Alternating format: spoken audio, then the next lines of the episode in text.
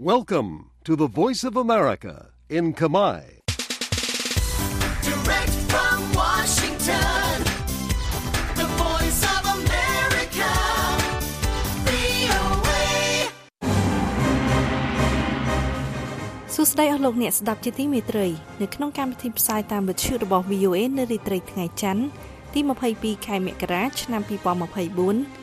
ខ្ញុំស្រីលក្ខិណានិងសហការីក្រុមផ្សាយខេមរៈភាសានៃ VOA សូមស្វាគមន៍លោកអ្នកស្ដាប់ពីរដ្ឋធានី Washington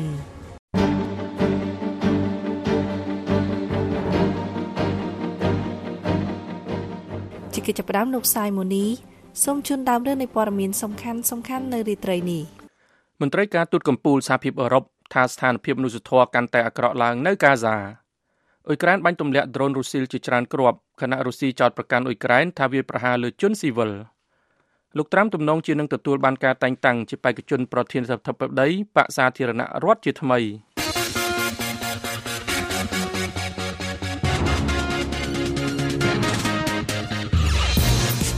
នៅក្នុងការផ្សាយរបស់ VOA ជាបន្តបន្តទៅនេះយើងមានសេចក្តីរាយការណ៍អំពីគណៈបកភ្លើងទៀនស្នើឲ្យក្រសួងមហាផ្ទៃពន្យាការដោះដូរក្រុមប្រឹក្សាគុំសង្កាត់ហើយជាអង្គបោះឆ្នោតប្រសិទ្ធភាពសវត្ថកិច្ចតាមចាប់អ្នកយកគ្រឿងញៀនជាង1តោនមកប្លង់ចោលនៅក្នុងខេត្តព្រះវិហារនគរបាលបញ្ជូនជនបង្កគ្រោះថ្នាក់ចរាចរណ៍សម្រាប់មនុស្ស4នាក់ទៅកាន់តុលាការបន្ទាប់ពីសេចក្តីរាយការណ៍ទាំងនេះយើងខ្ញុំនឹងជូនកម្មវិធី Hello VOA នៅរាត្រីនេះ យើងខ្ញុំអញ្ជើញលោកអស្រីសុភ័ក្រអ្នកឯកទេសខាងផ្នែកអភិបាលកិច្ចជីវៈគ្មិនលោកនឹងពិភាក្សាប្រធានបទអំពីឱកាសនិងបញ្ហាប្រឈមនៃយុទ្ធនាការដោះស្រាយភាពមិនប្រក្រតីរបស់ប្រព័ន្ធតុលាការកម្ពុជាលោកអ្នកនឹងបានស្ដាប់សេចក្តីរាយការណ៍នឹងកម្មវិធី Hello VOA នេះក្រោយព័ត៌មានអន្តរជាតិដែលផ្សាយផ្ទាល់ដោយលោកសាយម៉ូនីចាសសូមអញ្ជើញលោកម៉ូនីបាទសូមអរគុណអ្នកនាងស្រីលក្ខិណា ប្រធានផ្នែកគោលនយោបាយការបរទេសសហភាពអឺរ៉ុបលោក Joseph Borrell បាននិយាយនៅថ្ងៃច័ន្ទនេះថាវិធីដែលអ៊ីស្រាអែលកំពុងធ្វើសង្គ្រាមប្រឆាំងនឹងក្រុមហាម៉ាស់នៅក្នុងតំបន់កាហ្សាគឺកំពុងប្រមូលផ្ដុំបណ្ដុំគំនុំរាប់ចំនួនលោក Borrell បាននិយាយដូចនេះនៅមុនកិច្ចប្រជុំដាច់ដោយឡែកពីគ្នាដែលសហភាពអឺរ៉ុបធ្វើឡើងនៅថ្ងៃច័ន្ទនេះជាមួយនឹងរដ្ឋមន្ត្រីការបរទេសអ៊ីស្រាអែលលោក Israel Katz និងមន្ត្រីការទូតកម្ពុជារបស់អាញាធរប៉ាឡេស្ទីនលោក Riyad al-Maliki លោក Borrell បានប្រាប់អ្នកកាសែតថាយើងគិតអំពីអ្វីដែលក្រុមហាម៉ាស់បានធ្វើហើយជាការពិត យើងប្រឆាំងនឹងថ្កោលទោសទង្វើទាំងនេះប៉ុន្តែសន្តិភាពនិងស្ថិរភាពមិនអាចកសាងបានដោយសារតែមធ្យោបាយយោធាតែមួយមុខនោះទេនិងមិនមែនតាមវិធីនៃការប្រើមធ្យោបាយយោធាបែបនេះនោះឡើយលោក Borrell ស្ថិតក្នុងចំណោមមន្ត្រីបច្ចឹមប្រទេសនានាដែលបានរិះគន់លើចំនួននៃការស្លាប់និងរងរបួសរបស់ជនស៊ីវិលនៅក្នុងតំបន់កាហ្សា ក្រសួងសុខាភិបាលដែលគ្រប់គ្រងដោយក្រុមហាម៉ាស់នៅក្នុងតំបន់កាហ្សាបានបញ្ជាក់ថាជនជាតិប៉ាឡេស្ទីនយ៉ាងតិច25105នាក់ត្រូវបានសម្លាប់ដែលភាគច្រើនជាស្ត្រីនិងកុមារក្រសួងនេះមិនបានបញ្ជាក់ជាក់លាក់អំពីចំនួនជនស៊ីវិលនិងយុទ្ធជនហាម៉ាស់ក្នុងចំណោមអ្នកស្លាប់ទាំងនោះទេអ៊ីស្រាអែលបានរិះគន់ក្រុមហាម៉ាស់ថាបានធ្វើឲ្យជនស៊ីវិលស្ថិតក្នុងស្ថានភាពគ្រោះថ្នាក់ដោយបានបញ្ជាក់ថាក្រុមនេះ ធ្វើប្រតិបត្តិការដោយចេតនានៅក្នុងតំបន់រស់នៅរបស់ពលរដ្ឋនិងនៅក្នុងបណ្ដាញរូងក្រោមដីការប្រយុទ្ធគ្នានៅក្នុងតំបន់កាហ្សាបានបន្តនៅថ្ងៃច័ន្ទនេះដោយអ៊ីស្រាអែលបានវាយប្រហារតាមអាកាសសម្ដៅលើក្រុមយុទ្ធជនហាម៉ាស់នៅក្នុងតំបន់ភៀកខាងជើងកណ្ដាលនិងភៀកខាងត្បូងការវាយប្រហារតាមអាកាសនិងការប្រយុទ្ធគ្នាខ្លាំងក្លាត្រូវបានគេរាយការណ៍ថាបានកើតឡើងនៅក្នុងទីក្រុង Khan Yunis នៅភៀកខាងត្បូងតំបន់កាហ្សា ដែលជាទីក្រុងធំជាងគេបង្អស់ទី2នៅក្នុងតំបន់នោះនាយករដ្ឋមន្ត្រីអ៊ីស្រាអែលលោក Benjamin Netanyahu កាលពីថ្ងៃអាទិត្យបានច្រានចោលសំណើរបស់ក្រុមហាម៉ាស់ដែលចង់បញ្ចប់សង្គ្រាម។ The voice of America, VOA. យោធាអ៊ុយក្រែននិយាយនៅថ្ងៃច័ន្ទនេះថាខ្លួនបានទប់ស្កាត់ការវាយប្រហារដោយដ្រូនរបស់រុស្ស៊ីក្នុងផ្នែកជាច្រើននៅក្នុងប្រទេសកាលពីយប់មិញ ខណៈដែលក្រមមន្ត្រីរុស្ស៊ីបានចោទប្រកាន់កងកម្លាំងអ៊ុយក្រែនថាបានវាយប្រហារដ៏ខ្លាំងទៅលើទីក្រុងមួយដែលគ្រប់គ្រងដោយរុស្ស៊ីនៅផ្នែកខាងកើតប្រទេសអ៊ុយក្រែនកងកម្លាំងការពារដែនអាកាសអ៊ុយក្រែននិយាយថាប្រព័ន្ធការពារដែនអាកាសរបស់ខ្លួនបានបាញ់ទម្លាក់ដ្រូន8គ្រឿងរបស់រុស្ស៊ីដែលបានវាយប្រហារពីលើអាកាសក្នុងតំបន់ Mykolaiv តំបន់ Kherson និងតំបន់ Dnipropetrovsk ក្នុងរដ្ឋធានីមូស្គូប្រទេសរុស្ស៊ីឯណោះវិញ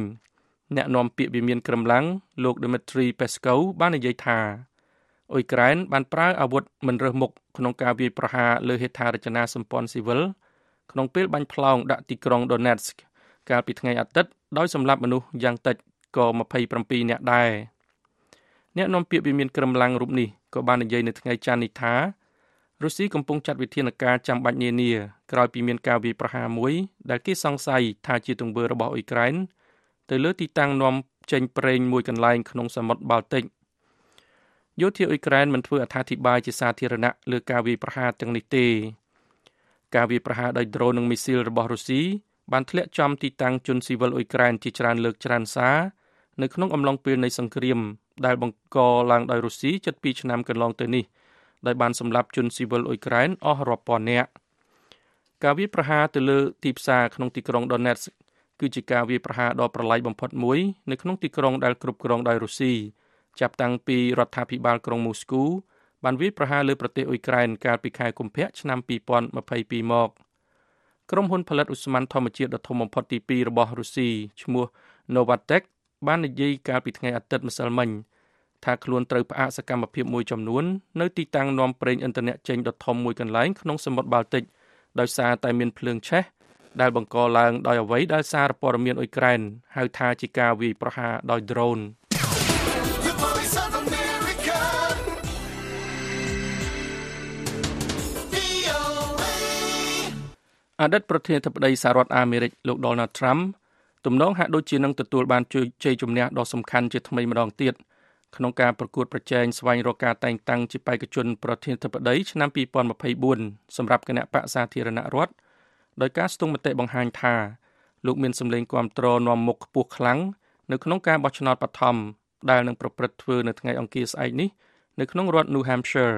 ដែលស្ថិតនៅភាគឦសានប្រទេសអាមេរិកលោកត្រាំក៏បានទទួលការជំរុញទឹកចិត្តយ៉ាងខ្លាំងទាំងនៅក្នុងរដ្ឋ New Hampshire និងក្នុងការប្រកួតប្រជែងជាទូទៅដោយកាលពីថ្ងៃអាទិត្យម្សិលមិញអភិបាលរដ្ឋ Florida លោក Ron DeSantis បានប្រកាសបញ្ចប់យុទ្ធនាការឃោសនាបោះឆ្នោតរបស់លោក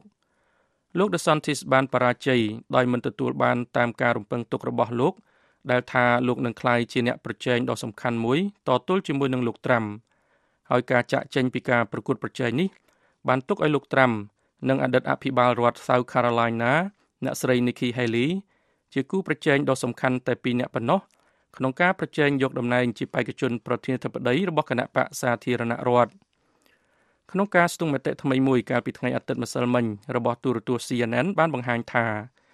លោកត្រាំមានសម្លេងគាំទ្រចំនួន50%នៅក្នុងការបោះឆ្នោតបឋមក្នុងរដ្ឋ New Hampshire ដែលជាចំនួនខ្ពស់ដាច់មួយលើអ្នកស្រី Haley ដែលមានសម្លេងគាំទ្រចំនួន39%ហើយលោក DeSantis មានសម្លេងគាំទ្រ6%អ្នកស្រី Haley ធ្លាប់បម្រើការងារជាឯកអគ្គរដ្ឋទូតសហរដ្ឋអាមេរិកប្រចាំអង្គការសហប្រជាជាតិ នៅក្រោមរដ្ឋបាលរបស់លោកត្រាំលោកត្រាំបានឈ្នះការបោះឆ្នោតបឋមក្នុងរដ្ឋ Iowa ភាគខាងលិចភាគកណ្ដាលខាងលិចសហរដ្ឋអាមេរិកដែលសម្បូរដោយកសិដ្ឋានកាលពីសប្តាហ៍មុនដោយទទួលបានសម្លេងឆ្នោតគ្រប់គ្រងជាង50%ដែលលើសពីខ្ទង់លើលោក DeSantis និងអ្នកស្រី Haley លោកត្រាំនិងអ្នកស្រី Haley បានធ្វើការវាយប្រហារគ្នាទៅវិញទៅមកកាលពីចុងសប្តាហ៍នេះខណៈពេលដែលលោក DeSantis បានទៅកាន់រដ្ឋ South Carolina និងវិលត្រឡប់មកកាន់រដ្ឋ New Hampshire វិញមុនពេលលោកប្រកាសបញ្ចប់ការប្រកួតប្រជែងយកតំណែងគ្រប់គ្រងសេតវិមាន The voice of America. VOA. រដ្ឋមន្ត្រីការបរទេសសហរដ្ឋអាមេរិកលោក Anthony Blinken គ្រោងនឹងជួបជាមួយនាយករដ្ឋមន្ត្រីនៃប្រទេសកាប់វែលោក Ulises Correa A Silva នៅពេលលោកចាប់ផ្ដើមដំណើរទស្សនកិច្ចទៅកាន់ប្រទេសចំនួន4នៅទ្វីបអាហ្វ្រិកលោក Blinken ក៏នឹងធ្វើទស្សនកិច្ចទៅកាន់កំពង់ផែ Porto da Praia នៃប្រទេសកាប់វែនេះផងដែរ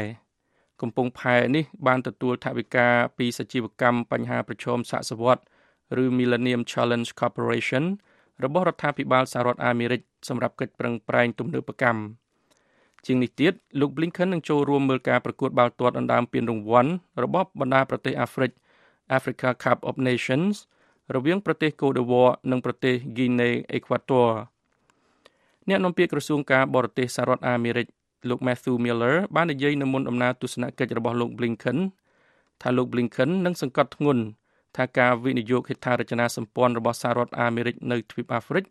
គឺជាវិធីមួយដើម្បីបង្កើនពាណិជ្ជកម្មទៅវិញទៅមក ដើម្បីបង្កើតការងារនៅសហរដ្ឋអាមេរិកនិងនៅទ្វីបអាហ្វ្រិកនិងជួយទ្វីបអាហ្វ្រិកប្រកួតប្រជែងនៅក្នុងទីផ្សារសកល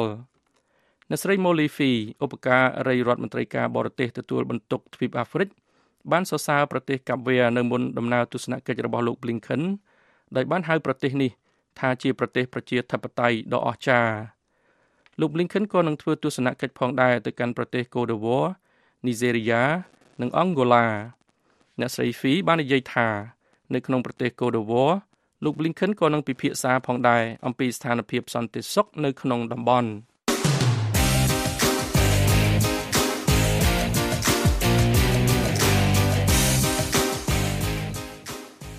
អស់លោកអ្នកស្ដាប់ជាទីមេត្រីនៅក្នុងការផ្សាយជាបន្តបន្ទាប់ទៅនេះ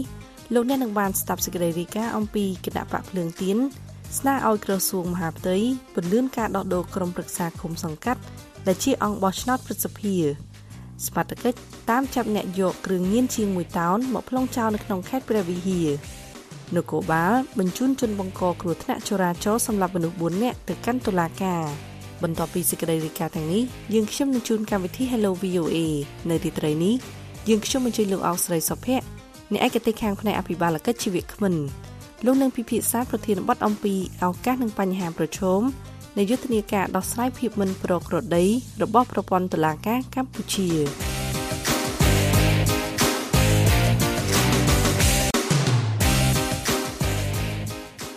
លោកអ្នកនាងកំពុងតែស្ដាប់កម្មវិធីផ្សាយរបស់ VOA ពីរដ្ឋធានី Washington គណៈបកភ្លើងទៀនបានបង្ហាញការខកចិត្តចំពោះការរាំងស្ទះនៃការផ្លាស់ប្ដូរឬដោះដូរសមាជិកក្រុមប្រឹក្សាគុំសង្កាត់ជាប់ឆ្នោតមកពីគណៈបកភ្លើងទៀនគណៈបកប្រឆាំងនេះថា ការរាំងស្ទះនេះហាក់ជាចេតនារបស់ស្ថាប័នមានសមត្ថកិច្ចក្នុងការបំបាក់ស្មារតីរបស់អង្គបោះឆ្នោតរបស់គណៈបកភ្លើងទៀនលោកលាស់លីបលីបឬការលំអិតឲ្យ VOA ពីរាជធានីភ្នំពេញដូចតទៅគណៈបកភ្លើងទៀន បានស្នើក្រសួងមហាផ្ទៃនិងរដ្ឋបាលឃុំសង្កាត់ឲ្យពន្យាសំណើសុំផ្លាស់ប្តូរសមាជិកក្រុមប្រឹក្សាឃុំសង្កាត់របស់ខ្លួនដែលត្រូវលាឈប់ឬបណ្តេញចេញឬស្លាប់ដើម្បីកុំឲ្យប៉ះពាល់សិទ្ធិនិងកុំឲ្យគណៈបកបាត់បង់អង្គបោះឆ្នោតសម្រាប់ការបោះឆ្នោតប្រសិទ្ធភាពនាពេលខាងមុខគណៈបកប្រឆាំងមួយនេះសម្ដែងការព្រួយបារម្ភនិងខកចិត្តយ៉ាងខ្លាំងចំពោះការធ្វើរាំងស្ទះក្នុងការផ្លាស់ប្ដូរឬដោះដូរសមាជិកក្រុមប្រឹក្សាឃុំសង្កាត់ជាប់ឆ្នោតមកពីគណៈបកភ្លើងទៀនដោយគណៈបកនេះថាការរាំងស្ទះនេះហាក់ជាចេតនារបស់ស្ថាប័នមានសមត្ថកិច្ចក្នុងការបំបាក់ស្មារតីអង្គបោះឆ្នោតរបស់គណៈបកភ្លើងទៀននេះបើតាមសេចក្តីថ្លែងការណ៍របស់គណៈបកចេញផ្សាយនៅថ្ងៃច័ន្ទនេះគណៈបកចាត់ទុកថានេះជាទង្វើបំពានច្បាប់ស្តីពីការគ្រប់គ្រងរដ្ឋបាលឃុំសង្កាត់ត្រង់មាត្រា16និងមិនស្របតាមសេចក្តីណែនាំមួយចំនួនទៀតរបស់ក្រសួងមហាផ្ទៃ លោកលីសុធារាយុទ្ធអគ្គលេខាធិការគណៈបកភ្លើងទៀនប្រាប់ VOA ថាការផ្លាស់ប្តូរសមាជិកក្រុមប្រឹក្សាគុំសង្កាត់មានការរាំងស្ទះប្រមាណ30ករណីនៅតាមបណ្ដាខេត្តក្រុងមួយចំនួនលោកបន្តថាករណីមួយចំនួនគណៈបកបានស្នើសុំបដូរសមាជិកក្រុមប្រឹក្សាគុំសង្កាត់រយៈពេលជាង5ខែឬ6ខែមកហើយប៉ុន្តែរហូតមកដល់ពេលនេះនៅតែមិនអាចផ្លាស់ប្ដូរបានបើតាមលោកលីសុធារាយុទ្ធការផ្លាស់ប្ដូរនេះគឺដោយសារសមាជិកក្រុមប្រឹក្សាគុំសង្កាត់ឆ្នាំ2022មួយចំនួនបានលាឈប់ទៅចូលរួមជាមួយគណៈបកកណ្ដាលអំណាចនិងជាមួយគណៈបកដែលទើបបង្កើតថ្មីនិងសមាជិកមួយចំនួនត្រូវបានគណៈបកបណ្ដេញចេញដោយសារខុសលក្ខន្តិកៈគណៈបកហើយសមាជិកមួយចំនួនទៀតទទួលមរណភាពក្នុងនោះសមាជិកដែលលាឈប់មានចំនួន5នាក់សមាជិកដែលត្រូវបានលុបឈ្មោះចេញពីសមាជិកគណៈបកមានប្រមាណ23នាក់និងអ្នកស្លាប់មួយចំនួនទៀតជាក់ស្ដែងណាស់គឺការផ្លាស់ប្ដូររបស់គណៈបកភ្លឹងទៀននេះគឺមានការស៊ីពេលយូរខែមែនទែនដែលធ្វើឲ្យប៉ះពាល់ដល់ សិទ្ធិរបស់គណៈបកក្នុងការថែរក្សានិងការពារសមាជិកក្រុមប្រឹក្សាគុំសង្កាត់ចាប់ឆ្នោតរបស់ខ្លួន ហើយវាប៉ះពាល់ដល់អង្គបោះឆ្នោតនិងអឺ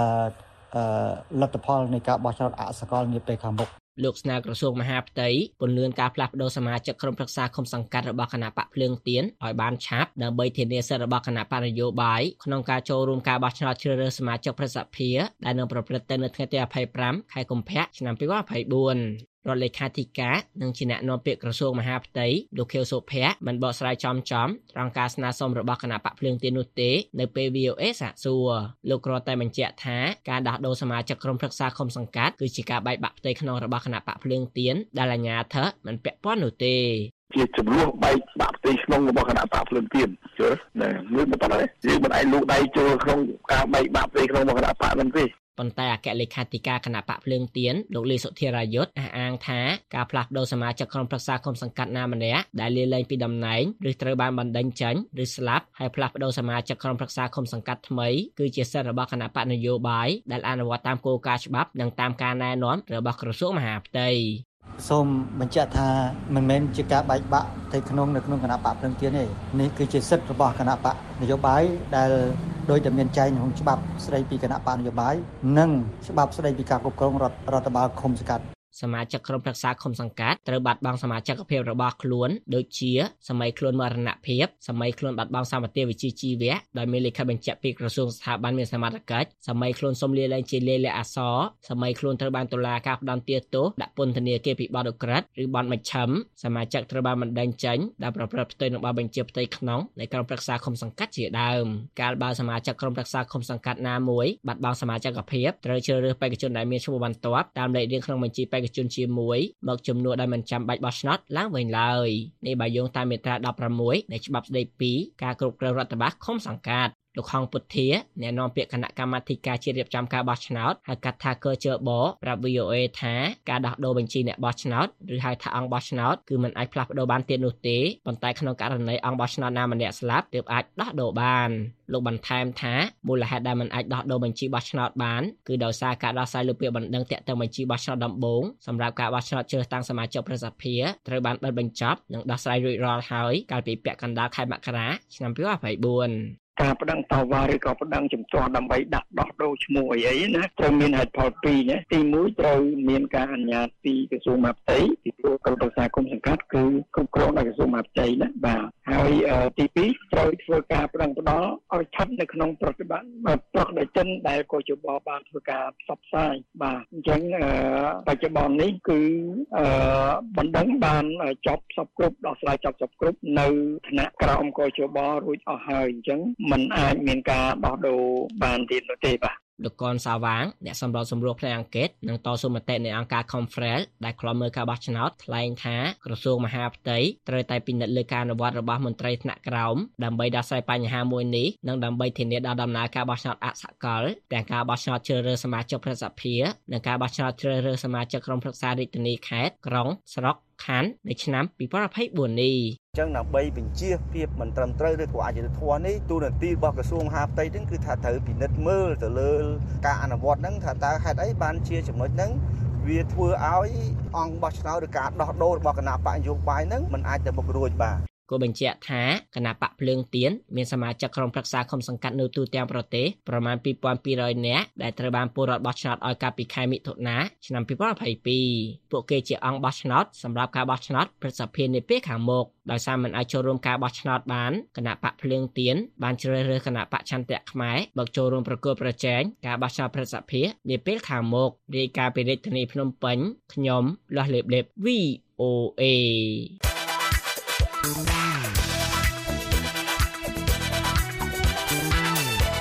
លោកអ្នកកំពុងស្ដាប់ VOA សំឡេងសាររដ្ឋអាមេរិកខ្មែរ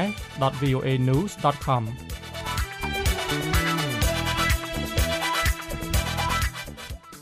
អញ្ញាធិបបានឲ្យដឹងថាខ្លួនរកឃើញគ្រឿងញៀនជាង1តោននៅក្នុងខេត្តព្រះវិហារដែលគេយកមកប្លង់ចោលអញ្ញាធិបកំពុងតែស៊ើបអង្កេតបន្តដើម្បីរកអ ுக ្រិតជនដែលនាំចូលគ្រឿងញៀនទាំងនោះ លោកហាណូយរាយការណ៍ឲ្យ VOA ពីរាជធានីភ្នំពេញដូចតទៅ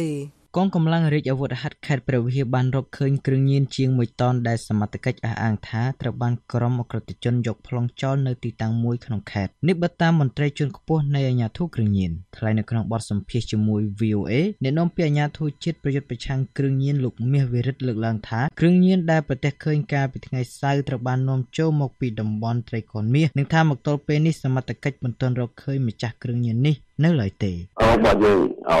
ល្មើសជនបងអោល្មើសជនហើយស្ថិតនៅលើការស៊ើបអង្កេតថាអ្នកណាជាម្ចាស់លោកអេងហ៊ីអ្នកនាំពាក្យកងរាជអាវុធហត្ថទូទាំងប្រទេសបានបដិសេធមិនអត្ថាធិប្បាយលម្អិតដោយស្នើឲ្យតាកតងទៅខាងតុលាការខេត្តព្រះវិហារវិញ VOA មិនទាន់អាចសុំការអធិប្បាយពីលោកសួសសុកដារ៉ាស្នងការនគរបាលខេត្តព្រះវិហារបាននៅឡើយទេបើតាមសារព័ត៌មាន Fresh News ដែលដកស្រង់សម្ដីពីអាជ្ញាធរពាក់ព័ន្ធគ្រឿងញៀនទាំងនោះត្រូវបានរកឃើញនៅក្នុងរថយន្តមួយគ្រឿងដែលផ្ទុកគ្រឿងញៀន33ការុងស្មើនឹង1020កញ្ចប់ដែលមានទម្ងន់សរុប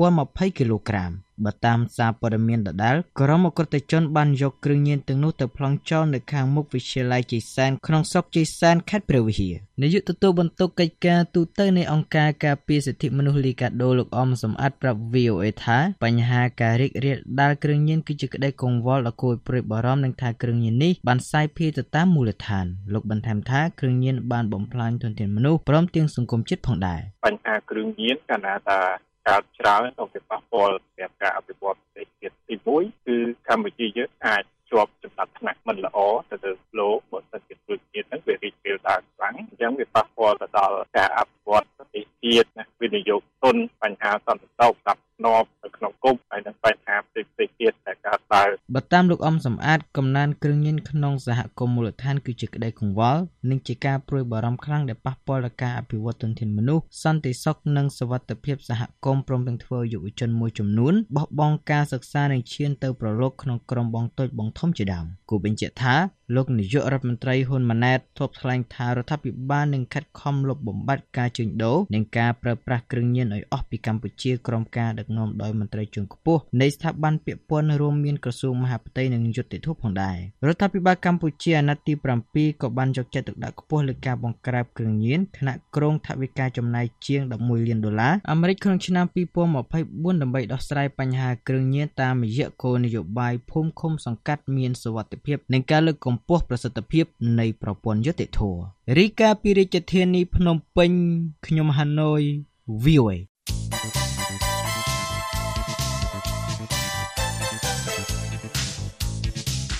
លោកអ្នកនាងជាទីមេត្រី VOA មានវីដេអូជាច្រើនដែលតាក់ទងនឹងប្រទេសកម្ពុជា នៅក្នុងគេហទំព័ររបស់យើង khmer.voanews.com លោកអ្នកអាចទស្សនាវីដេអូទាំងនេះដើម្បីជ្រាបយល់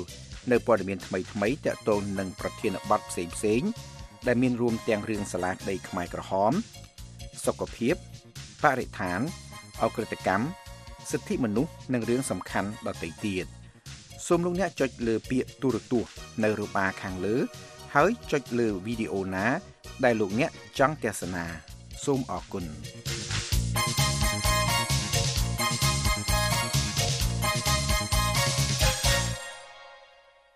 សមត្ថកិច្ចរាជធានីភ្នំពេញបានកសាងសំណុំរឿងនិងបញ្ជូនជនបង្កគ្រោះថ្នាក់ចរាចរណ៍ដែលបានសម្លាប់មនុស្ស4នាក់ទៅកាន់តុលាការរាជធានីភ្នំពេញជនបង្កនោះត្រូវបានសមត្ថកិច្ចអះអាងថា បើកបរហួសល្បឿនកំណត់និងក្រោមជាតិស្រវឹងកញ្ញាចិត្តស្រីយ៉ារីកាលំអិតឲ្យ VOA ពីរាជធានីភ្នំពេញដូចតទៅនគរបាលរាជធានីភ្នំពេញបានកសាងសំណុំរឿងនិងបញ្ជូនជនបង្កទៅតុលាការចំពោះករណីគ្រោះថ្នាក់ចរាចរណ៍ដែលបង្កឡើងដោយអ្នកបើកបររថយន្ត Ford Ranger នេះបើតាមមន្ត្រីនៃស្នងការដ្ឋាននគរបាលរាជធានីភ្នំពេញកាលពីថ្ងៃសៅរ៍លោកនាងសំអូនដែលជាជនបង្កបានបើកបររថយន្តក្នុងល្បឿនលឿនខ្វះការប្រុងប្រយ័ត្ននិងបើកបរក្រោមឥទ្ធិពលជាតិស្រវឹងដែលបណ្ដាលឲ្យមនុស្ស4នាក់ស្លាប់និងរងរបួស4នាក់នេះបើតាមការចុះផ្សាយរបស់ស្នងការនគរបាលរាជធានីភ្នំពេញនិងអ្នកនាំពាក្យស្នងការរាជធានីភ្នំពេញ យោងតាមការចុះផ្សាយរបស់ស្នងការនគរបាលរាជធានីភ្នំពេញនៅលើបណ្ដាញសង្គម Facebook និងការបញ្ជាក់ពីអ្នកនាំពាក្យស្នងការរាជធានីភ្នំពេញហេតុការណ៍នេះកើតឡើងកាលពីល្ងាចថ្ងៃសៅរ៍ទី20ខែមករាឆ្នាំ2024ត្រង់ចំណុចស្តុបស្ពានឫស្សីកែវផ្លូវជាតិលេខ5ភូមិមិត្តភាពសង្កាត់ឫស្សីកែវដែលជនបង្កមានឈ្មោះនាងសំអូនជាមន្ត្រីម្នាក់នៅក្រសួងសេដ្ឋកិច្ចនិងហិរញ្ញវត្ថុ ជនបង្កបានបើកបររថយន្ត Ford Ranger ពណ៌សក្នុងល្បឿនលឿននិងស្ថិតក្នុងស្ថានភាពស្រវឹងហើយបានបុករះរថយន្តចំនួន2គ្រឿងនិងម៉ូតូចំនួន4គ្រឿងពេលចុះពីស្ពានភ្ជាប់ពីតំបន់ OCIC ទៅផ្លូវជាតិលេខ5ក្នុងទិសដៅពីកើតមកលិចលោកសំវិជ្ជការអ្នកនាំពាក្យស្នងការរាជធានីភ្នំពេញប្រាប់ VOA នៅថ្ងៃច័ន្ទនេះថាសមត្ថកិច្ចបានសាងសំណុំរឿងឲ្យបញ្ជូនជនបង្កទៅតុលាការ ករណីនេះយើងមិនកំពុងកសាងសំណុំរឿងបញ្ជូនគាត់ទៅតុលាការនៅជានេះហើយណាពាក់ព័ន្ធនឹងការបើកបរលបឿនលឿនខ្វះការប្រុងប្រយ័ត្ននិងបើកបរក្រោមចិត្តអត្តពលស្រវឹងដែលមានចិត្តអល់កុល0.54ណា ប្រសិនបើតុលាការរកឃើញកំហុសបុគ្គលនោះអាចជាប់ពន្ធនាគារពី1ខែទៅ6ខែនិងពិន័យជាប្រាក់ពី8សែនរៀលទៅ4លានរៀលតាមមាត្រា77នៃច្បាប់ស្តីពីចរាចរណ៍ផ្លូវគោកពីបទបើកបរយានយន្តក្នុងភាពស្រវឹងដោយមានជាតិអាល់កុលចាប់ពី0.40មីលីក្រាមក្នុង1លីត្រខ្យល់។ ជនបង្កអាចជាប់ពន្ធនាគារពី1ឆ្នាំទៅ3ឆ្នាំតាមមាត្រា85នៃក្រមព្រហ្មទណ្ឌពីបទបើកបរដោយធ្វេសប្រហែសខ្ជិលខ្ជានិងមិនប្រុងប្រយ័ត្នលោកខឿងហ៊ីងត្រូវជាបងថ្លៃរបស់កញ្ញាង៉ៃតស្រីម៉ៅអាយុ22ឆ្នាំដែលជាជនរងគ្រោះស្លាប់ក្នុងហេតុការណ៍គ្រោះថ្នាក់ចរាចរណ៍ខាងលើប្រាប់ VOA ថាលោកស្នើដល់អាជ្ញាធរជួយរកយុត្តិធម៌ជូនប្អូនស្រីរបស់លោកមិនសំណូមពរថាឲ្យអាជ្ញាធរក៏ដូចជាមន្ត្រីពាក់ព័ន្ធដែលគាត់ជួយគិតគូរពីជនដែលឆ្លូតត្រង់ដែលត្រូវគេបានបុក ជនបង្កដែលបានបុកធ្វើឲ្យប្អូនស្រីខ្ញុំគាត់បានបាត់បង់ជីវិតយ៉ាងណាគាត់គឺជាផ្នែកមួយដ៏ល្អសម្រាប់គ្រួសារគាត់តែគាត់ខំបន្តបដារហូតមកដល់ពេលនេះគឺមានតម្លៃខ្លាំងណាស់ លោកយងកំឯងប្រធានមជ្ឈមណ្ឌលប្រជាពលរដ្ឋដើម្បីអភិវឌ្ឍនិងសន្តិភាពក៏សង្កត់ឃើញថាកន្លងទៅតកតងនឹងគ្រោះថ្នាក់ចរាចរណ៍ធ្លាប់មានការផ្សព្វផ្សាយនៅក្នុងសង្គមផងដែរប៉ុន្តែចំពោះការផ្សព្វផ្សាយតកតងនឹងបញ្ហាគ្រឿងស្រវឹងគឺមិនទាន់មានភាពទូលំទូលាយដូច្នេះហើយមូលហេតុដែលបង្កឲ្យមានគ្រោះថ្នាក់ចរាចរណ៍ដោយសារការពិសាគ្រឿងស្រវឹងនៅតែកើតមាន ប៉ុន្តែហេតុអីបានមនុស្សអត់បញ្ឈប់ការទទួលទានគ្រឿងស្រវឹងនៅពេលដែលខ្លួនបើកបរបានដោយសារគាត់យល់ថាខ្លួនគាត់គឺមានកម្លាំងគ្រប់គ្រាន់គាត់អត់ស្រវឹងគាត់អាចបើកទៅផ្ទះបានត្រង់ផ្លូវហើយអ្នកខ្លះហ្នឹងខំនិយាយថាអូបើកាន់តែស្រវឹងបើកកាន់តែត្រង់ផ្លូវខ្ញុំមិនជឿទេបាទនេះគឺសុទ្ធតែជាលេសដើម្បីបានទទួលទានគ្រឿងស្រវឹងនេះបាទលោកយងកំឯងស្នើដល់អាជ្ញាធរគូពង្រឹងវិធានការចំពោះបុគ្គលដែលបង្កគ្រោះថ្នាក់ចរាចរណ៍ដោយសារការពិសាគ្រឿងស្រវឹងការពិនិត្យមើលឡើងវិញចំពោះការផ្សព្វផ្សាយពាណិជ្ជកម្មគ្រឿងស្រវឹងនិងពន្លឿនច្បាប់ស្តីពីការត្រួតពិនិត្យផលិតផលគ្រឿងស្រវឹងដែលនៅតែជាសេចក្តីព្រាងច្បាប់តាំងពីឆ្នាំ2015ដើម្បីអាចប្រើប្រាស់ជាវិធានការក្នុងការទប់ស្កាត់កំណើននៃការប្រើប្រាស់គ្រឿងស្រវឹងក្នុងប្រទេសកម្ពុជា របាយការណ៍គ្រោះថ្នាក់ចរាចរណ៍នៅទូទាំងប្រទេសគិតពីថ្ងៃទី1ខែមករាដល់ថ្ងៃទី21ខែមករាឆ្នាំ2024បង្ហាញថាគ្រោះថ្នាក់ចរាចរណ៍កើតឡើងមាន181ករណីដែលបណ្ដាលឲ្យមនុស្សស្លាប់និងរងរបួសជាង307នាក់ក្នុងនោះ80នាក់បានស្លាប់អាជ្ញាធរក៏សង្កត់ថាគ្រោះថ្នាក់ចរាចរណ៍ទាំងនោះបណ្ដាលមកពីបើកបរលើសល្បឿនមិនគោរពសិទ្ធិប្រជែងនឹងបទគ្រោះថ្នាក់និងស្រវឹងនេះបើតាមរបាយការណ៍របស់អគ្គស្នងការដ្ឋាននគរបាលជាតិ គួរបញ្ជាក់ថាកាលពីចុងឆ្នាំ2023និងដើមឆ្នាំ2024បូកទាំងករណីគ្រោះថ្នាក់ចរាចរណ៍ចុងក្រោយនេះមានគ្រោះថ្នាក់ចរាចរណ៍រថយន្តបុកម៉ូតូចំនួន3ករណីនៅរាជធានីភ្នំពេញដែលបង្កឡើងដោយសារការបើកបរក្នុងល្បឿនលឿនខ្វះការប្រុងប្រយ័ត្ននិងបើកបរក្រោមឥទ្ធិពលជាតិស្រវឹងករណីទី1កើតឡើងកាលពីថ្ងៃទី14ខែធ្នូឆ្នាំ2023ដោយជនបង្កបុកបុរសជិះម៉ូតូម្នាក់ស្លាប់និងករណីទី2កើតឡើងកាលពីថ្ងៃទី24ខែធ្នូឆ្នាំ2023ដែលបណ្ដាលឲ្យមនុស្ស2នាក់ស្លាប់និងម្នាក់រងរបួសធ្ងន់រាយការណ៍ពីរាជធានីភ្នំពេញនាងខ្ញុំចិត្តស្រីយ៉ា VOA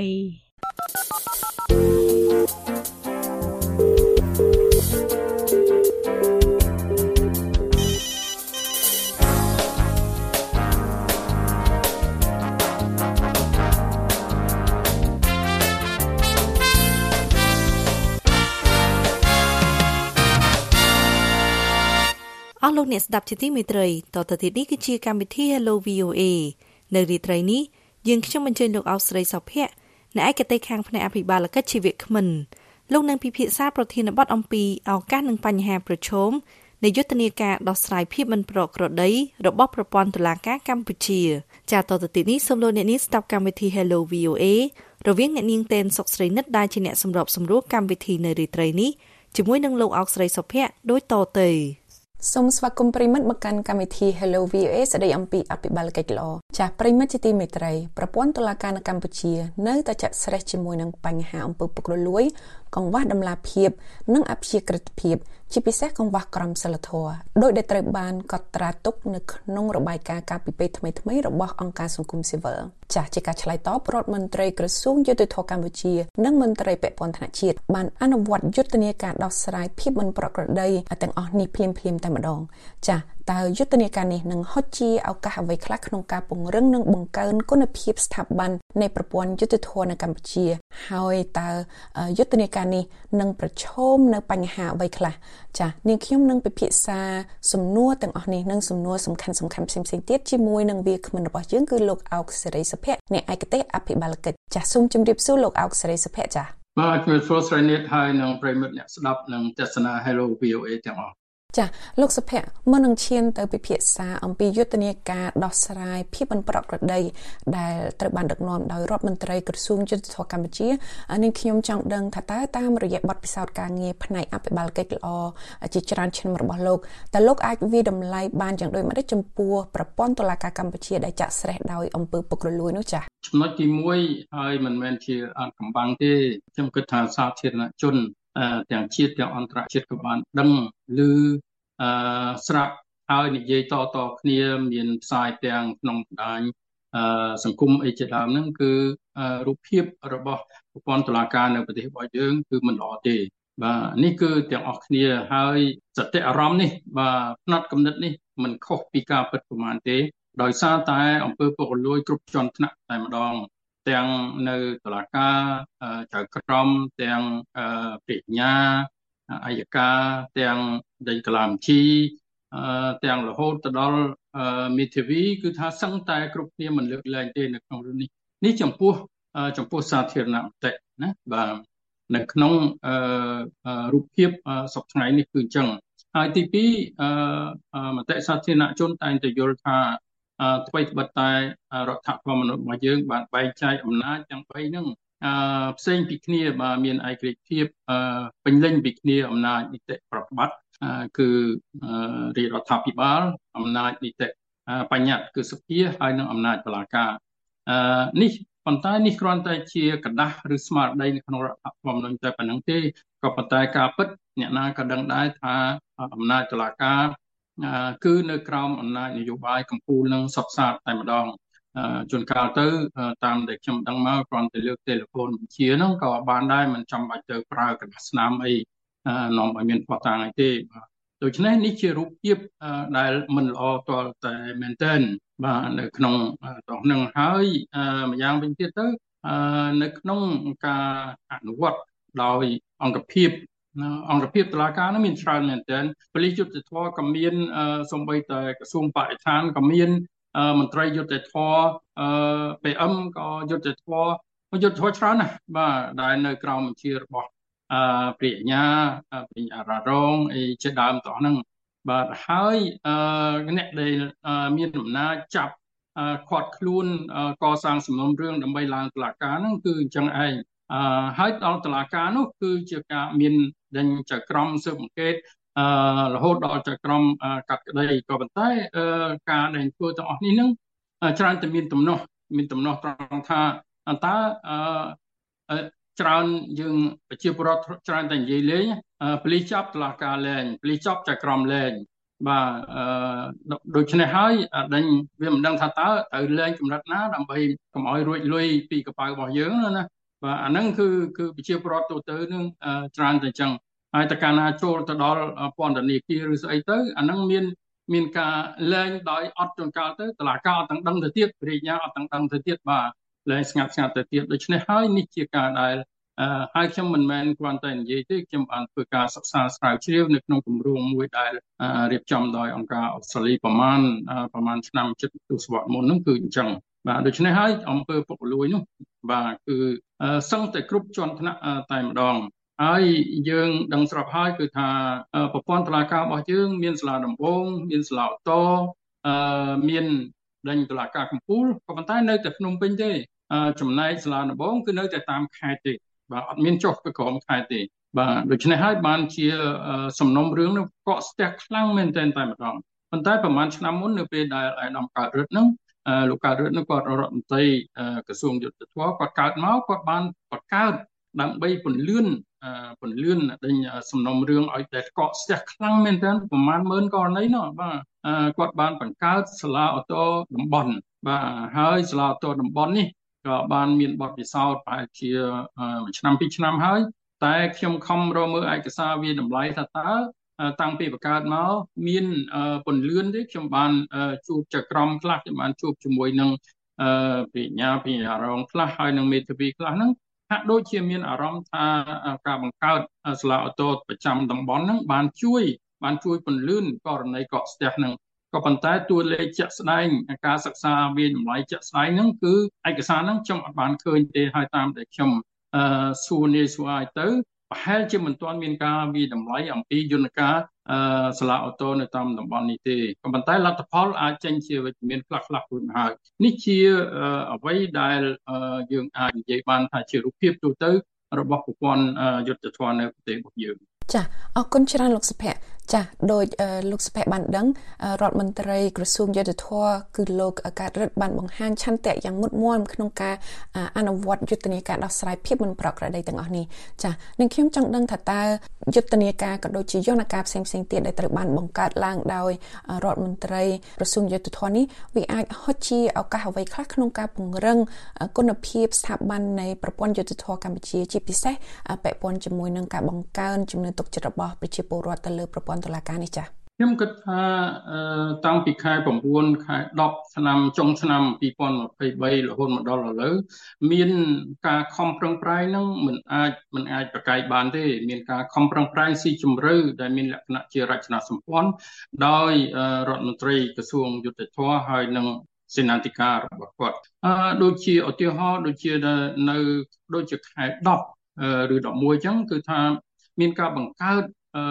ដោយក្រុមការងារដែលដឹកនាំជំរុញដែលគាត់អ្វីដែលគាត់ហៅថា digital ពាណិជ្ជកម្មបាទនៃក្រសួងយុទ្ធភ័ពគឺខ្ញុំគិតថារឿងនេះបើសិនជាធ្វើទៅបាន ការស្រាវជ្រាវព័ត៌មានការតាមដានករណី បាទអាចនឹងមានតម្លាភាពជាងមុនហើយអាចនឹងងាយស្រួលជាងមុនហើយមិនចាំបាច់សោកលុយដើម្បីឲ្យបានព័ត៌មានទាំងអស់នេះទេក្រុមគ្រួសារនៃជនរងគ្រោះឬមួយគណៈដែលត្រូវគេជាប់ចោតហ្នឹងអាចនឹងតាមដានរឿងស្នេះបានប៉ុន្តែនេះគ្រាន់តែជាការចាប់ផ្ដើមទេអឺឲ្យអាចនឹងត្រូវការច្រើនឆ្នាំទៅទៀតទម្រាំតែប្រព័ន្ធអស់នេះចេញក៏ប៉ុន្តែជាការសាកល្បងមួយដែលមានប្រយោជន៍ខ្លាំងមែនទែនឈានទៅរកប្រព័ន្ធដូចដែលប្រទេសគេទៀតទៀតជឿនលឿនចឹង ហើយយើងដឹងស្រាប់ហើយដោយដែលស្រីនិតបាននិយាយអំបញ្ញមិញគឺនៅក្នុងពេលជាមួយគ្នាដែរឯកឧត្តមរដ្ឋមន្ត្រីនឹងគាត់បានបង្កើតនៅគណៈកម្មការក្រមប្រឹក្សាជាតិបាទអាជ្ញាធរជាតិដោះស្រាយវិវាទក្រៅប្រព័ន្ធតុលាការដែលមានគាត់ជាប្រធានណាបាទហើយនេះនេះជារឿងមួយថ្មីទៀតហើយដោយដែលយើងបាននិយាយកាលពីប្រហែលខែមុនរួចមកហើយគឺថា ការដែលបង្កើតអាជ្ញាធរជាតិដោះស្រាយ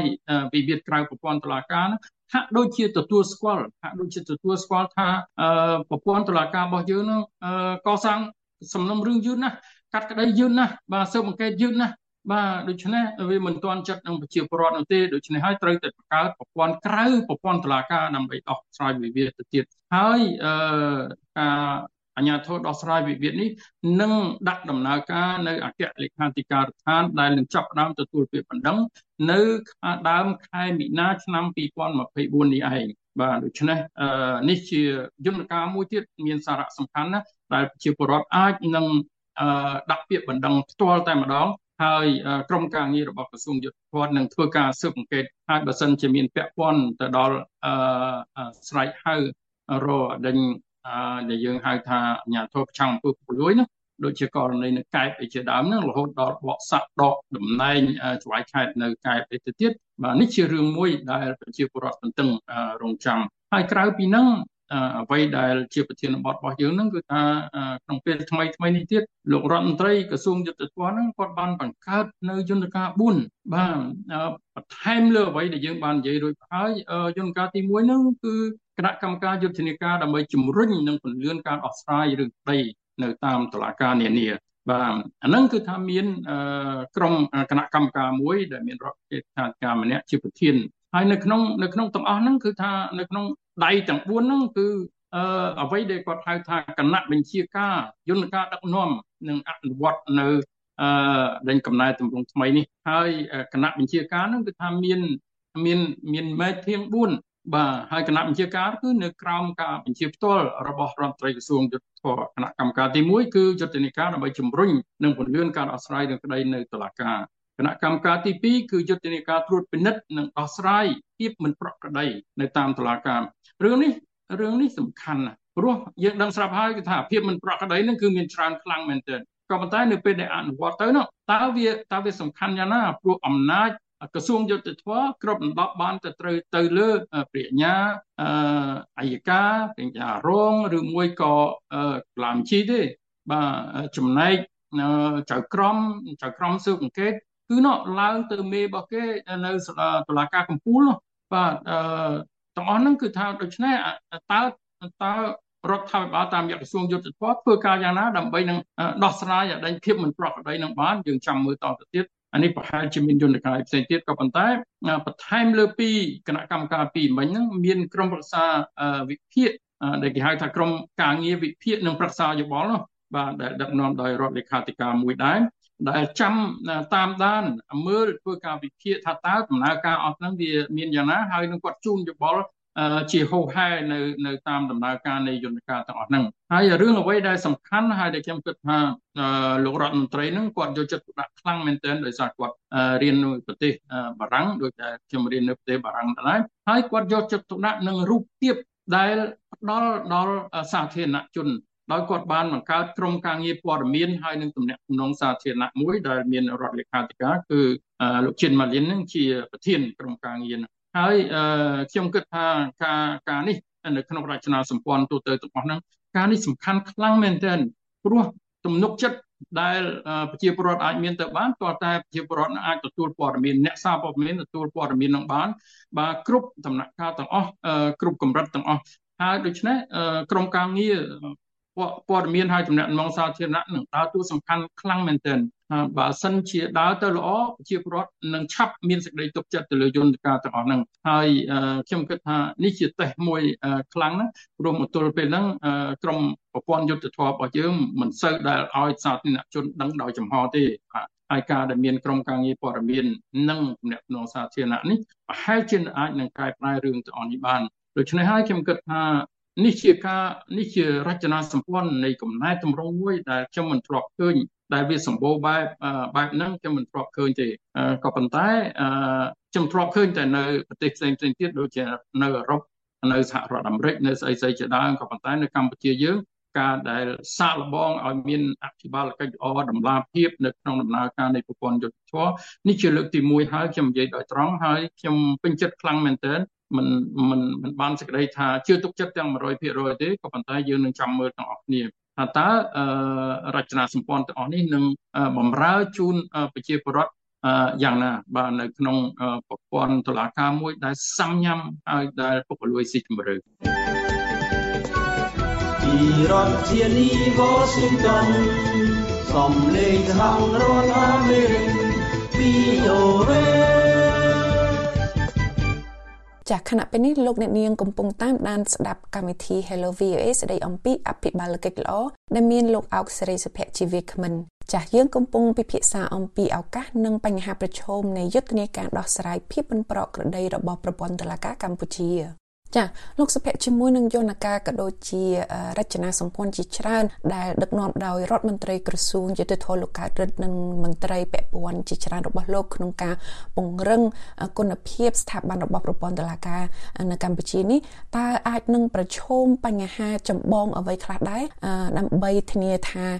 យន្តការទាំងអស់នេះហុចមកនៅលទ្ធផលវិជ្ជមាននោះចាតើកង្វះធនធានមនុស្សអាចជាបញ្ហាចម្បងដែរឬទេពីព្រោះតាមរយៈការបកស្រាយយរបស់លោកយើងឃើញថាយន្តការក៏ដូចជាការបង្កើតយន្តការហើយនិងរចនាសម្ព័ន្ធទាំងអស់នេះទាមទារឲ្យមានធនធានមនុស្សដែលមានជំនាញត្រូវទៅនឹងទូនីតិហើយនិងកិច្ចការដែលត្រូវបានបង្កើតឡើងនោះចា៎ខ្ញុំគិតថាធនធានមនុស្សអាចជាបញ្ហាខ្ញុំបានចូលទៅមើលជ្រៅនៅសមាជិកភាពនៃគណៈកម្មការទាំងពីរនៃក្រមប្រឹក្សាយោបល់ហើយនឹងវិភាគហើយនឹងប្រឹក្សាយោបល់នៃ ក្រមការងារព័ត៌មានហើយនឹងទំនាក់ទំនងសាធារណៈខ្ញុំបានចូលទៅមើលគឺមានមានទាំងលេខាធិការដ្ឋានមានទាំងក្បាលម៉ាស៊ីនមានទាំងចំណាត់ការមានអីហ្នឹងដូច្នេះហើយគឺថាលោករដ្ឋមន្ត្រីគាត់ប្រើសឹងទៅអស់ហ្មងប្រើសឹងទៅរដ្ឋលេខាធិការអនុរដ្ឋលេខាធិការអគ្គលេខាធិការចក្រការរយគាត់ប្រើខ្ទេចខ្ទីអស់មានសល់នៅក្នុងហ្នឹងថាតើប្រើនឹងមានប្រសិទ្ធភាពយ៉ាងណាយើងក៏មិនដឹងដែរបាទក៏ប៉ុន្តែគាត់ គាត់ប្រើអស់ហើយខ្ញុំគិតថាសាលាដែលបង្ហាត់ចៅក្រមមេធាវីហ្នឹងក៏មានដំណើរការទៅយ៉ាងរលូនដូច្នេះធនធានមនុស្សខ្ញុំគិតថាយើងអាចក្នុងការដំណើរការហ្នឹងអាចមានកង្វះក៏ប៉ុន្តែយើងអាចធ្វើការបានដោយមានប្រសិទ្ធភាពខ្ញុំគិតថាថវិកាប្រហែលជាមានបញ្ហាបាទព្រោះយន្តការទាំងអស់នេះដើម្បីដូចយើងលើកយកទីហោតែមួយអគ្គលេខាធិការដ្ឋានដោះស្រាយ បណ្ដឹងរបស់ប្រជាពលរដ្ឋដែលនឹងចាប់ដំណើរការនៅខែមិនិនាឆ្នាំ2024បានស្គាល់ថា2ខែខាងមុខនេះបើសិនជាលើកយើងលើកឧទាហរណ៍ដើម្បីប្រជាពលរដ្ឋលោកមកដាក់បណ្ដឹងបានណាតើតើយើងការពារបើបើដាក់ទៅមានការភ័យខ្លាចគ្មានណាមកទេបាទគាត់ដាក់ពាក្យបណ្ដឹងជួនកាលទៅក៏អត់ដឹងចេះទម្រង់ត្រូវមានមន្ត្រីភ្នាក់ងារដើម្បីជួយ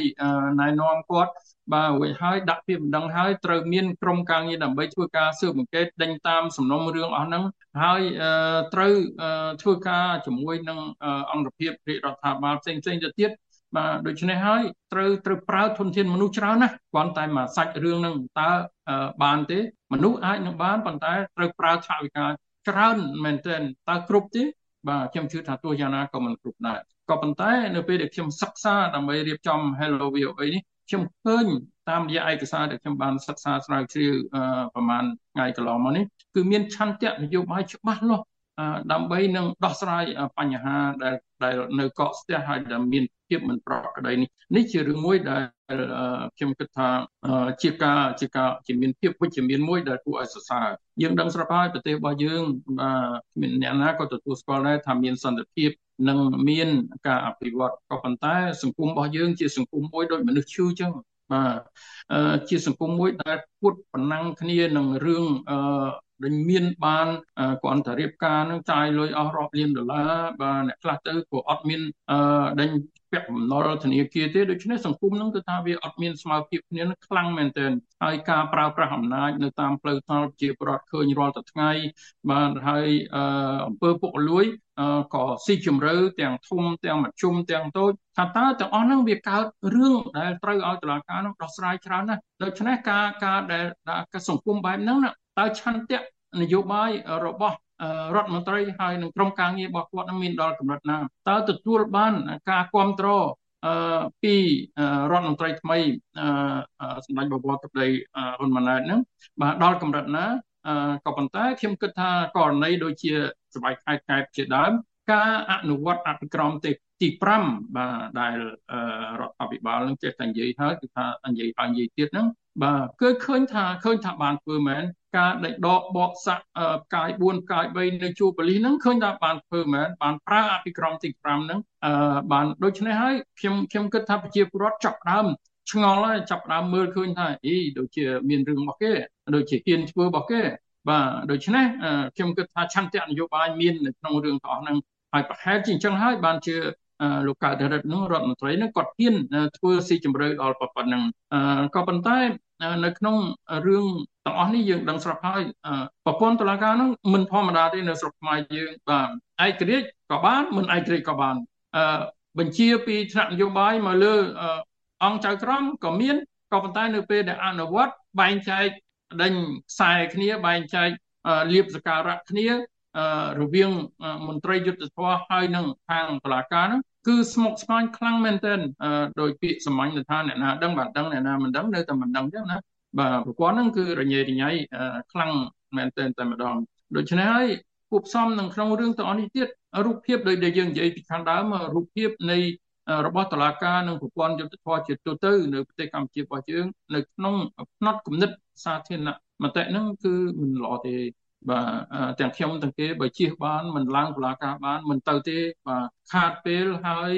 បើគ្មានលុយទេដឹងតែពិចាញ់ចឹងតែម្ដងបាទសូមសបុតហ្នឹងក៏ត្រូវតែក្រាស់ទៀតបើស្ដើងទេគឺទៅមិនរួចទេបាទនេះខ្ញុំមិនចេះនិយាយបើខ្ញុំឃើញមែនហើយខ្ញុំមានកូនសិស្សដែលធ្វើការនៅអឺសាលាដំបងនៅស្អីស្អីហ្នឹងគឺច្បាស់លាស់ណាស់ដូច្នេះខ្ញុំគិតថាការប្រឈមហ្នឹងប្រឈមខ្លាំងណាស់បាទមិនធម្មតាទេគ្រប់ថ្នាក់ ប្រឈមដោយសារសង្គមរបស់យើងនឹងវាមានជំងឺចឹងផងប្រឈមដោយសារប្រព័ន្ធតុលាការមិនច្បាស់លាស់ផងប្រឈមដោយសារ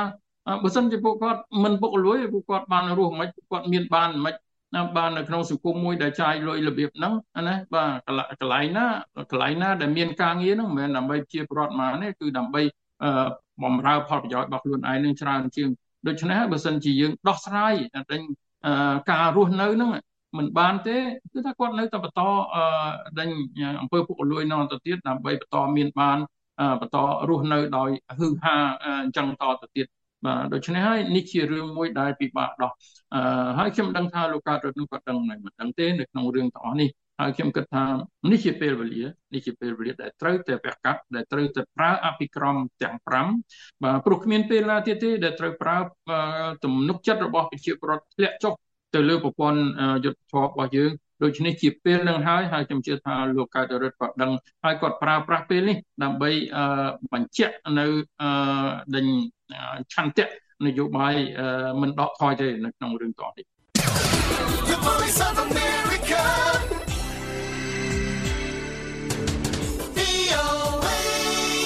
ចាខណៈពេលនេះប្រិយមិត្តកំពុងតាមដានស្ដាប់កម្មវិធី Hello VOA ស្ដីអំពីអភិបាលកិច្ចល្អដែលមានលោកអោកស្រីសុភ័ក្រអ្នកឯកទេសអភិបាលកិច្ចជីវេក្មិនយើងកំពុងពិភាក្សាអំពីឱកាសនិងបញ្ហាប្រឈមនៃយុទ្ធនាការដោះស្រាយភាពមិនប្រក្រតីរបស់ប្រព័ន្ធតុលាការនៅកម្ពុជា ចាលោកសុភ័ក្រដោយការពិភាក្សារបស់យើងជារៀងរាល់ខែសម្រាប់សំណួរចុងក្រោយនាងខ្ញុំតែងតែចង់ដឹងអំពីមតិប្រជាពលរដ្ឋវិញតាមរយៈការបង្កើត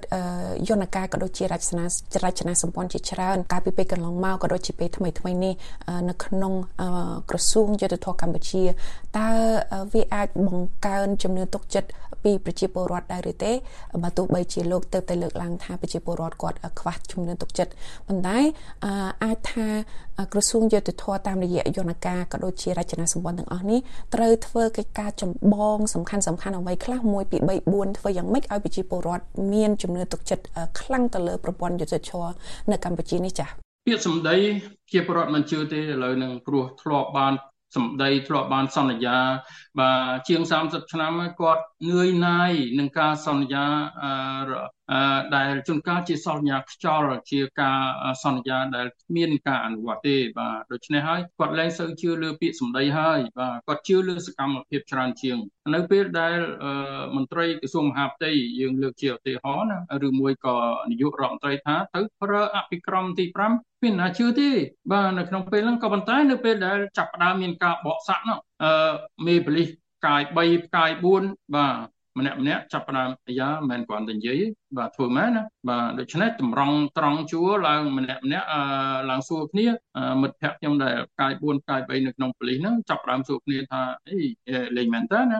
បាទដូច្នេះរួចហើយម្នាក់ម្នាក់ទូស្គាល់ថាអត់មានលេងលេងទៀតទេគឺអភិក្រមទាំង5ហ្នឹងនឹងយកមកអនុវត្តនៅពេលដែលដកតំណែងស្បៃខេត្តកែបហ្នឹងខ្ញុំខ្ញុំភ្ញាក់មែនតើដោយសារខ្ញុំ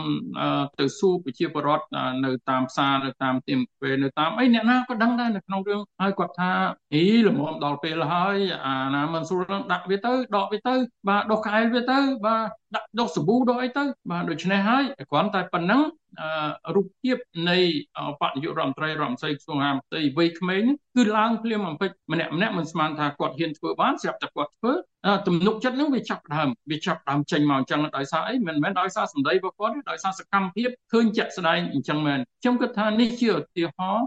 បញ្ជាក់ទៅរដ្ឋមន្ត្រីក្រសួងយុទ្ធភ័ពថាពាក្យសម្ដីរបស់គាត់ល្អហើយកំណែតម្រង់មានរចនាសម្ព័ន្ធមានគណៈកម្មការមានក្រុមការងារមានស្អីស្អីល្អហើយតែនៅពេលដែលឃើញចៅក្រមពុកលួយស៊ីសំណោកបានត្រូវគេចាប់ញាត់គុកនៅពេលដែលឃើញពរិញ្ញាបាទដែលមានភាពមិនប្រក្រតីត្រូវគេបកសាក់ត្រូវគេផ្ដន់ទាទោសព្រោះទោសខ្លួនឯងជាអ្នកឆ្មាប់ក៏ដោយនៅពេលដែលឃើញកលាមជីពុកលួយឬមួយក៏មេធាវីណាមួយ ណារត់ការស៊ីសំណោកពីមួយទៅមួយត្រូវទទួលទោសទៅតាមច្បាប់ជាធរមាន នៅពេលនោះហើយដែលឆន្ទៈនយោបាយនឹងបានត្រូវទទួលស្គាល់ថាមានមែនធ្វើមែនមិនមែនគ្រាន់តែនិយាយទេបាទរហូតដល់ពេលនោះជាប្រវត្តិនៅតែសុំសុំកក់ជំនឿសិនបាទមិនទាន់ជឿភ្លាមទេគ្រាន់តែថាចង់ឃើញហើយខ្ញុំជឿថាលោកកើតរឹតដឹងមិនដឹងទេគាត់ត្រូវតែបញ្ចេញនៅសកម្មភាពនេះ ហើយមិនពិបាករទេបាទអ្នកណាក៏ដឹងថាមានរឿងអំពើពុករលួយហើយមកកណោនៅក្នុងប្រព័ន្ធរបស់យើងគ្រាន់តែដើម្បីស៊ើបអង្កេតរកផុសតាងឲ្យបានអនុវត្តតាមច្បាប់ជាធរមានអានឹងជារឿងមួយផ្សេងទៀតប៉ុន្តែគាត់ត្រូវតែធ្វើឲ្យបាន ហើយរឿងសំខាន់ដូចដែលយើងបាននិយាយពីដើមសៃនិតក្រមក្រមការងារព័ត៌មានហើយទំនាក់ទំនងសាធារណៈនឹងឈប់ឈប់ផ្សាយតែពីដំបូងទៀតទៅបាទ ត្រូវផ្សាយជម្រាបជូនសាធារណមតិនឹងហោហែទៅតាមការវិវត្តនៃកំណែទម្រង់បានដល់ណាហើយលទ្ធផលយ៉ាងណាសូមអនុញ្ញាតឲ្យអ្នកសារព័ត៌មាននឹងគេបានចូលសួរគេបានទទួលដំណឹងទូរស័ព្ទកុំឲ្យតលេខនៅពេលគេទេទៅលើកផងកុំចេះតែជាប់រវល់រហូតអឺបាទអញ្ចឹងមិនកើតទេបាទដូច្នេះហើយទាំងអស់នេះហើយដែលវានឹងធ្វើឲ្យបើសិនជាអង្គភាពនឹងណាអង្គភាពសារព័ត៌មានហើយតំណែងសាធារណៈអ្នកខ្សែសួរប្រមាណដឹងប៉ុណ្ណឹង បើមិនដឹងយើងឆ្លើយថាមិនដឹងទៅបើកំពុងធ្វើយើងឆ្លើយថាកំពុងធ្វើទៅបើមានលទ្ធផលប្រាប់លទ្ធផលមកបើមិនទាន់មានទេប្រាប់ថាមិនទាន់មានមកនៅពេលដែលអ្នកកសែតនោះបាទគាត់ធ្វើការបានព័ត៌មានចឹងគាត់ផ្សាយទៅសាធារណមតិរូបភាពនៃកំណែតម្រង់នឹងនឹងចាប់ដើមចេញជាទំនុកចិត្ត របស់ប្រជាពលរដ្ឋហើយបាទនៅក្នុងរឿងទាំងនោះហើយបើសិនជាមានការដាក់ទោសទៅតាមច្បាប់ជាតិព័ត៌មាននៅតាមមន្ត្រីឬមួយក៏ចៅក្រមឬចៅក្រមសើអង្គេណាដែលធ្វើការមិនត្រឹមត្រូវដាក់ទោសគាត់ទៅបាទនៅក្នុងនឹងប្រជាពលរដ្ឋនឹងមានការកក់ក្ដៅហើយកុំឲ្យម្នាក់ម្នាក់ខ្លាចរអាតឡាការដោយសពថ្ងៃហ្នឹង បាទឬតែតឡាការគឺអត់ចង់ទៅចិត្តមកចិញ្ចឹមទៅគេបាទកុំឲ្យរូបភាពនឹងនៅយូរពេកនៅក្នុងសតិអារម្មណ៍របស់ជាប្រវត្តិខ្ញុំថាមានតែប៉ុណ្្នឹងទេមិនមិនមិនលើសពីនឹងទេដែលជាប្រវត្តិគាត់ត្រូវការគាត់ស្នើសុំនោះបាទ ចាសសូមអរគុណលោកអោកស្រីសុភ័ក្រចំពោះការបកស្រាយយ៉ាងក្បោះក្បាយទៅលើប្រធានបទរបស់យើងនៅខែនេះដែលពិភាក្សាអំពីឱកាសនិងកត្តាប្រឈមនៃការអនុវត្តយុទ្ធនាការដោះស្រាយភាពមិនប្រក្រតីរបស់ប្រព័ន្ធតុលាការនៅកម្ពុជា ចាសយើងនឹងជួបគ្នាម្ដងទៀតនៅខែក្រោយទៀតចាសគណៈពេលនេះនឹងខ្ញុំសូមជម្រាបលាលោកចាសបាទសូមជម្រាបស្រីមិត្តហើយស្រីនិតហើយនឹងប្រិយមិត្តអ្នកស្ដាប់នឹងទស្សនា Hello VOA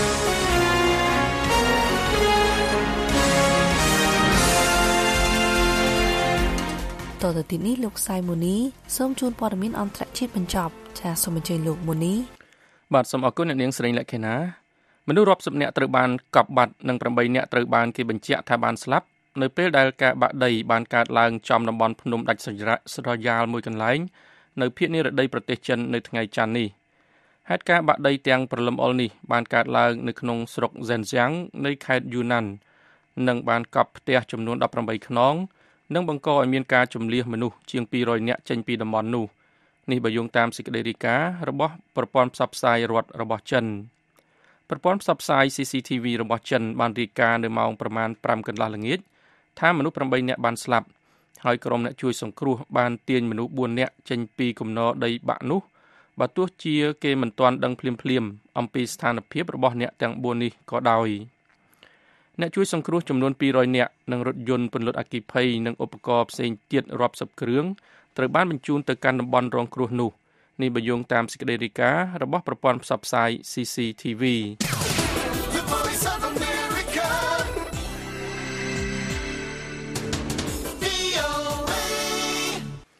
អាយអគ្គរដ្ឋទូតសហរដ្ឋអាមេរិកប្រចាំប្រទេសអ៊ីរ៉ាក់អ្នកស្រី Alina Romanovsky បានជួបជាមួយនឹងអតីតនាយករដ្ឋមន្ត្រីអ៊ីរ៉ាក់ លោក Nori Al-Maliki កាលពីថ្ងៃអាទិត្យក្នុងពេលមួយថ្ងៃក្រោយមក បន្ទាប់ពីក្រុមសកម្មប្រយុទ្ធដែលគាំទ្រអ៊ីរ៉ង់បានវាយប្រហារលើកងកម្លាំងរបស់សហរដ្ឋអាមេរិកនៅក្នុងប្រទេសអ៊ីរ៉ាក់នេះបើយោងតាមសេចក្តីរាយការណ៍របស់ទីភ្នាក់ងារសារព័ត៌មាន AFP ដែលយោងលើការបញ្ជាក់របស់ការិយាល័យរបស់លោក Al-Malaki ជំនួបនៅក្នុងទីក្រុងបាក់ដាតនេះបានធ្វើឡើងនៅចំពេលដែលមានភាពតានតឹងនៅក្នុងតំបន់កំពុងកើនឡើងដែលជាលទ្ធផលខកចិត្ត ដែលកើតចេញពីសង្គ្រាមជាង3ខែរវាងអ៊ីស្រាអែលនិងក្រុមហាម៉ាស់ដែលគ្រប់គ្រងដោយអ៊ីរ៉ង់មីស៊ីលជាច្រើនគ្រាប់ត្រូវបានបាញ់ចំមូលដ្ឋានរបស់កងទ័ពសហរដ្ឋអាមេរិកនៅភូមិខាងលិចប្រទេសអ៊ីរ៉ាក់កាលពីថ្ងៃសៅរ៍កន្លងទៅនេះនៅក្នុងការវាយប្រហារមួយដែលក្រុមតស៊ូអ៊ីស្លាមនៅអ៊ីរ៉ាក់អះអាងថាខ្លួនជាអ្នកធ្វើក្រុមនេះគឺជាសម្ព័ន្ធភាពដ៏ទូលំទូលាយមួយនៃក្រុមសកម្មប្រយុទ្ធដែលមានទំនាក់ទំនងជាមួយនឹងអ៊ីរ៉ង់ ដែលប្រឆាំងនឹងការគ្រប់គ្រងរបស់សហរដ្ឋអាមេរិកចំពោះអ៊ីស្រាអែលនៅក្នុងសង្គ្រាមនៅតំបន់កាហ្សាលោកម៉ាលីគីគឺជាបុគ្គលដ៏មានឥទ្ធិពលមួយរូបនៅក្នុងនយោបាយអ៊ីរ៉ាក់និងជាមេដឹកនាំកម្ពុជាមួយរូបនៃប្លុកដែលគ្រប់គ្រងអ៊ីរ៉ង់លោកបានពិភាក្សាជាមួយនឹងអ្នកស្រី Romanovsky អំពីអនាគតនៃទំនាក់ទំនងទ្វេភាគីរបស់អ៊ីរ៉ាក់ជាមួយនឹងសហរដ្ឋអាមេរិកនិងអំពីការរីករាលដាលនៃភាពតានតឹងនៅក្នុងតំបន់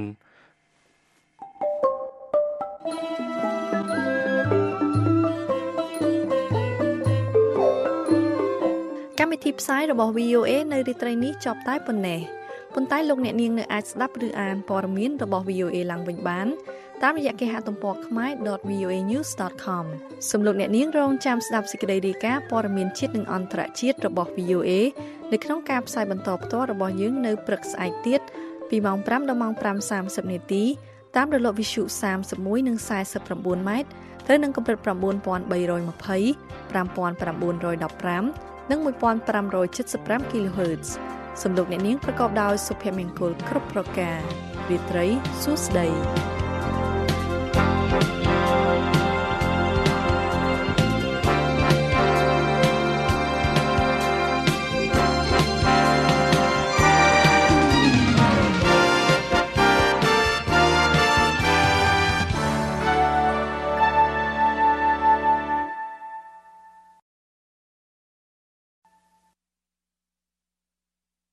This program has come to you from the Voice of America,